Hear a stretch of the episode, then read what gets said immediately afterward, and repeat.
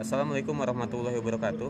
Teman-teman semua lagi mendengarkan podcast Titik Temu Dan kita kembali lagi membahas pertanyaan-pertanyaan yang sudah masuk ke Instagram kita. Maka dari itu kita bakal bahas nih secara ringan aja ya. Semoga kita bisa nemuin titik temu dan manfaat dan secuil hikmah gitu dari perbincangan kali ini. Oke Kang, Su, Kang Samsul gimana? Sudah siap? Uh, insya Allah lebih tepatnya kita bakalan sharing-sharing ya teman-teman mengenai kehidupan sehari-hari yang kita lakukan dalam sekitar kita sama lingkungan kita. Oke langsung aja kita bahas pertanyaannya satu-satu. Sip. Oke untuk pertanyaan pertama uh, gini, Kang saya rajin sholat tapi uh, saya masih sering minum boleh atau enggak? Ya kalau minum mah boleh ya.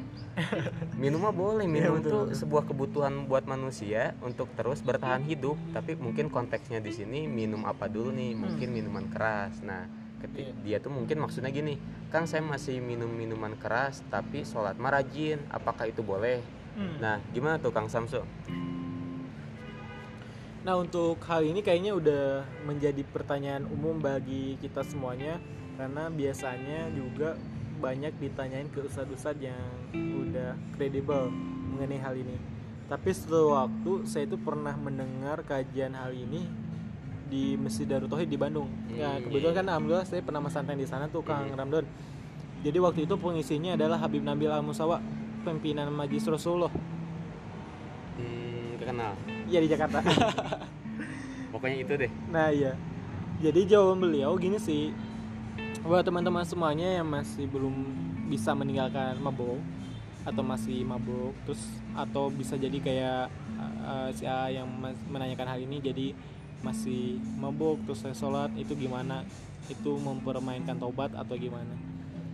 Jadi kan ada hadis mengenai orang-orang yang mabuk itu sholatnya tidak diterima selama 40, 40 hari. hari jadi makna hadis tersebut tuh bukan berarti ketika kita sudah mabuk kita tuh meninggalkan sholat selama 40 hari. Bukan begitu. Tapi ketika kita sudah mabuk kita tuh tetap aja melaksanakan dan punya kewajiban untuk tetap sholat melaksanakan sholat-sholat tersebut. Jadi jangan sampai ketika kita mabuk kita meninggalkan 40 hari tersebut. Kita tetap punya kewajiban untuk melaksanakan. Jangan sampai ketika kita misalkan habis mabuk karena kita tahu bahwa sholat kita gak diterima kita tuh meninggalkan. Nah bahaya tuh. Nah bahaya. Jadi punya double dosa intinya. Hmm. pertama mabuk kedua meninggalkan sholat juga. Kita harus tetap aja melaksanakan sholat tersebut. Ya ya nah gitu. ya, itu aja mungkinnya untuk mengenai hal ini. Jadi tetap semangat intinya berikhtiar berdoa terus. Mudah-mudahan Allah beri kesempatan untuk bisa sama-sama meninggalkan uh, minum minuman yang haram tersebut. Oh iya, tambahan juga sih. Ini pesan juga sih bagi kita semuanya terus ya alhamdulillah Allah jauhkan dari mungkin perkara yang meminum minuman yang gak baik hmm. yang haram. Jadi Habib Nabil tuh pernah berpesan mengenai hadis tersebut. Jadi kan e, bagi orang-orang yang mabok tuh dilarang untuk mendekati sholat -hmm. karena alasannya adalah tidak paham apa yang dibaca. Nah, ya betul kan? Uh, karena kan ketika kita mabuk pasti apa pun yang kita baca pasti kita gak paham hmm, gak ngerti. Hilang kesadaran. Nah betul. Nah ternyata apa yang disampaikan oleh Habib Nabil itu tuh secara tekstual seperti itu. Tapi secara konteks adalah bagi kita semuanya yang gak paham sholat itu lebih baik jangan sholat katanya itu hmm, itu tuh? seakan-akan kayak pecutan yang nyeltip ke hati kita. Oh iya iya. Karena kan ketika kita mabuk kita dilarang sholat tuh karena kita gak paham apa yang dibaca. Uh, karena kehilangan kesadaran. Nah itu secara tekstual gitu. Hmm. ternyata secara kontekstual bagi siapa pun yang tidak paham akan bacaan sholat lebih baik jangan sholat gitu. Itu secara konteks. Ya, uh, ya, ya, bukan berarti kita gak sholat ya. Maksudnya gini uh. loh jangan sampai kita tuh sholat kayak orang mabuk kita tuh gak mabuk tapi sholat kayak orang mabuk maksudnya kita sholat tapi kita tuh nggak ngerti apa yang kita baca maksudnya gitu. Hmm. jangan sampai kita tuh berpikir kita tuh oh berarti kita karena kita gak tahu sholat ya ya, ya udah gak usah sholat. Bukan kayak gitu. Jadi maksudnya itu kayak uh, pecutan pedas lah reminder bagi kita.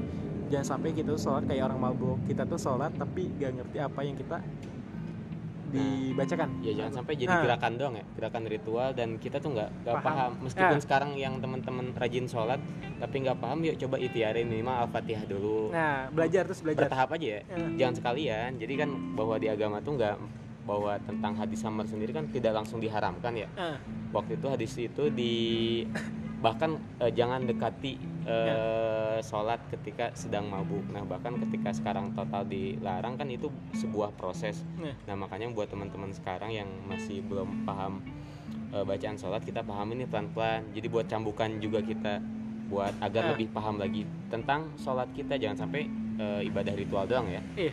oke. Gimana bang? Oh iya teman-teman semuanya. Eh, udah gak asing sih kalau masalah sholat itu karena rukun Islam.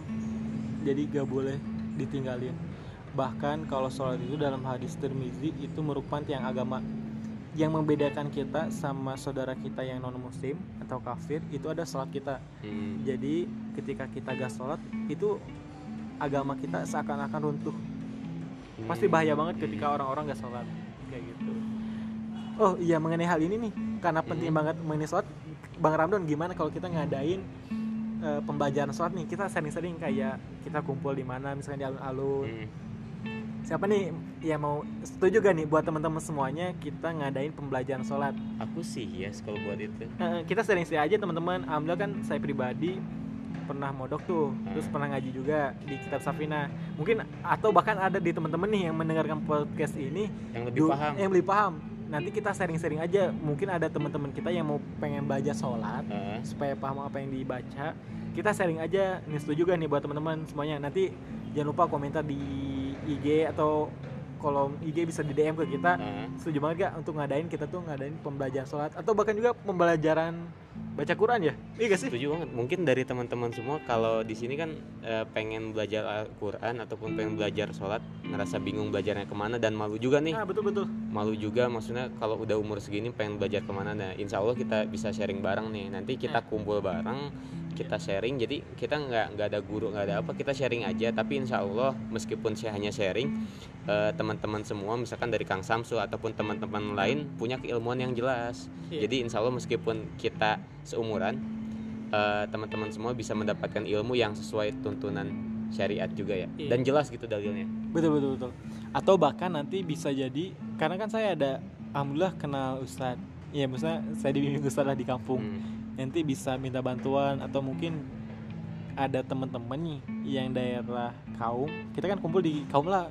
Seru kayaknya kalau di kaum ya. Ya? Nah di alun-alun di kaum Cicurug kalau mau teman-teman kalau misalnya ada kenalan daerah Cicurug Ustadz yang bisa ngebimbing kita bareng-bareng ya kenapa enggak dikonfirmasiin ke kita lah dikasih tahu ke kita. Hmm. intinya gitu sih. Intinya kita setuju gak nih kalau kita bikin kelompok pengajian pengajian gitu pengajian sharing-sharing gitu tentang sholat. Kita belajar sholat sholat aja supaya kita bisa belajar sama-sama untuk memperbaiki sholat kita Oke. oke kalau yang setuju nanti ditunggu komentarnya Oke, mungkin bisa di DM ya di Instagram kita, mungkin nanti di komen di postingan terbaru kita ya. Yap, betul. Oke Kang, ini nih ada satu lagi pertanyaan. Eh, Kang, gimana kita caper ke Allah? gimana kita caper ke Allah katanya tuh? Gimana Kang kita caper, caper ke Allah?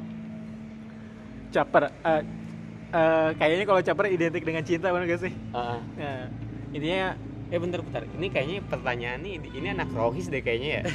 caper ke Allah gimana? Oke mungkin Kang, dijawab Bang Samsul. ah, ini mah lebih ke sharing lagi nih. Dulu tuh kalau di Bandung kan kalau di Bandung terkenal oleh Ustadz Hanan Ataki, Hmm. Ustadz Kang Boni, Ustadz Andi Boni. Ah, Andi Boni. Intinya ini kalau misalkan kita pengen dicintai oleh Allah Subhanahu Wa Taala, eh, guru-guru kami menyampaikan bahwa hal demikian tuh dijelasin langsung di Al-Quran di surat Al-Imran ayat 30 atau 31 gitu ya. Kul in kuntum tuhibunallah fattabi'uni yuhibbukumullah wa yaghfir lakum dunubakum wallahu ghafurur rahim. Katakanlah apabila kamu mencintai Allah, maka ikutilah aku fattabi'uni. Ya Hmm. yuhibbukumullah maka Allah akan mencintaimu wa yaghfir lakum dan Allah akan mengampuni dosa kamu. Wallahu ghafurur rahim. Allah tuh Maha Pengampun lagi Maha Penyayang. Penyayang. Jadi bagi teman-teman semuanya kalau pengen caper nih, cari perhatian ke Allah agar dicintai Allah Allah Subhanahu wa taala itu dijelaskan di Al-Qur'an bahwa dan dijelaskan di guru-guru kita bahwa cara terbaiknya adalah dengan cara mengikuti Rasulullah SAW dari ahlaknya dari budi pekertinya murah senyum baik ke tetangga baik ke orang tua baik ke teman ah segalanya sempurna deh kalau Rasulullah SAW intinya ya minimal dari hal-hal sederhana. Misalkan sholat tepat waktu Hmm, ya kan? Ya ya. Baik orang tua. Ya intinya mah hal-hal yang demikian kita ikutin bareng-bareng. Kayak misalkan masuk mesin nih kaki kanan. Hmm, masuk WC kaki kiri dulu. Ya ikutin semua sunnah Rasulullah intinya ketika kita gak mampu melaksanakan semua sunnah jangan sampai Hmm. kita tuh meninggalkan semua sunnah. Nah ya ya, yang kecil-kecil dulu aja. Yang kita mampu dulu aja ya. nah misalnya pakai sholat pakai tangan kanan dan sebagainya deh. Itu mah eh, sholat. Makan pakai tangan Makan, kanan. makan tangan kanan sholat ke tangan kanan. Ya ke- yang yang Ya, kidal gimana? Yang kidal? Ya, ya, maksudnya ya makan pakai tangan kanan. Ya intinya mah hal-hal sederhana yang kita mampu dulu aja. Ah, sambil bertahap terus terus nah itu tuh ketika kita mendapatkan cinta Allah maka Allah tuh akan mengampuni dosa-dosa kita. Nah. Allah tuh maha pengampun lagi maha penyayang. Wah, Allah mah sayang banget ke kita. Jadi intinya ketika ketika kita ingin dicintai Allah jangan pernah putus asa. Allah tuh sangat mencintai orang-orang bertobat lagi menyucikan diri. So semangat bagi kita semuanya. Termasuk mohon doanya bagi kita semuanya bagi saya pribadi bagi Kang Ramdoni untuk tetap istiqomah untuk bisa sharing-sharing terus di podcast ini supaya kita bisa saling berbagi deh mengenai hal-hal apa yang udah kita pelajarin dan juga hal-hal yang ditanyain oleh teman-teman ke kita semuanya. Oke, mungkin cukup sekian pertanyaan-pertanyaan pada episode kali ini. Mungkin cukup sekian dari podcast apa namanya? Titik Ah, lupa dari terus nih. podcast titik temu. Mungkin kita nih. bakal kembali lagi di episode selanjutnya. Mungkin mohon maaf eh, jika ada kekurangan dan kelebihannya dari Allah Subhanahu wa taala. Wabil taufiq wal hidayah. Wassalamualaikum warahmatullahi wabarakatuh.